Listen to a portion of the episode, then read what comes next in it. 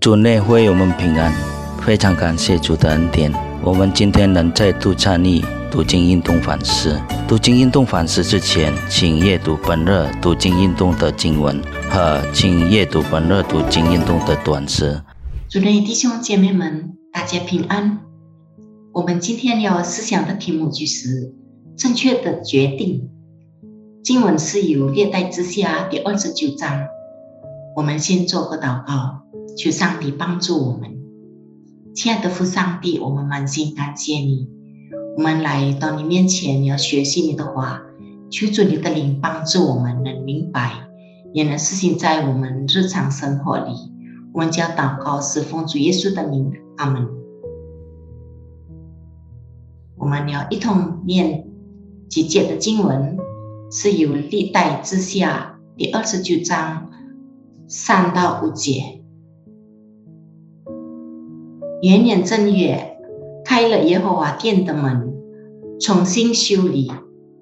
他召众祭司和利未人来，聚集在东边的宽阔处，对他们说：“利未人啊，当听我说，现在你们要洁净自己，又洁净耶和华，你们列祖上帝的殿，从圣所中。”出去污秽之物。西西家在北国将要崩溃的时期，登基为犹大王。他在位三年后，亚述军队围攻撒玛利亚城。三年后，撒玛利亚城和北国被亚述帝国征服。如此，就结束了一个拒绝上帝。而崇拜其他神明的国家的历史，北国灭亡的事件，对于刚刚登基的西西家王来说，是一个宝贵的教训。如果他想国泰民安，他必须下定决心，专心爱耶和华，并遵守上帝的所有诫命和律例。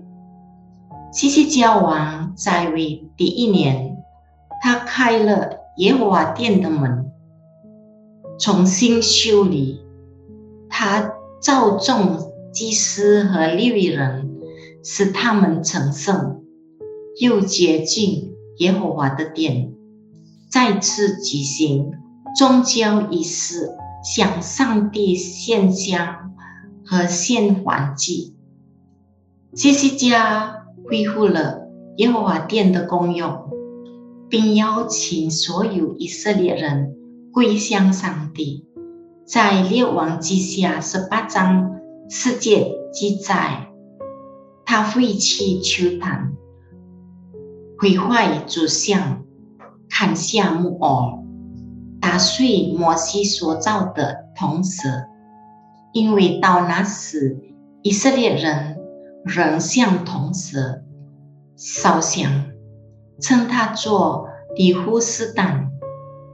其他的王都没有废弃秋坛。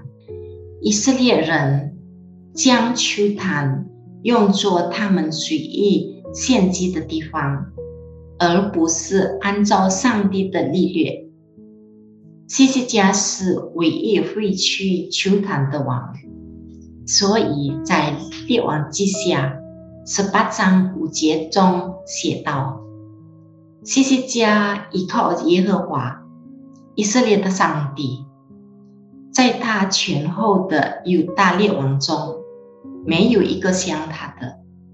西西家所行的蒙上帝赐福，使他执政长达二十九年。”在列王记下十八章七节说道：“耶和华与他同在，他无论往何处去，尽都亨通。”弟兄姐妹们，您是否已经下定决心，全心全意地爱上帝，并遵他的话，或者反而与世界随波逐流，远离上帝呢？我们做个祷告，求上帝帮助我们实行他的话语。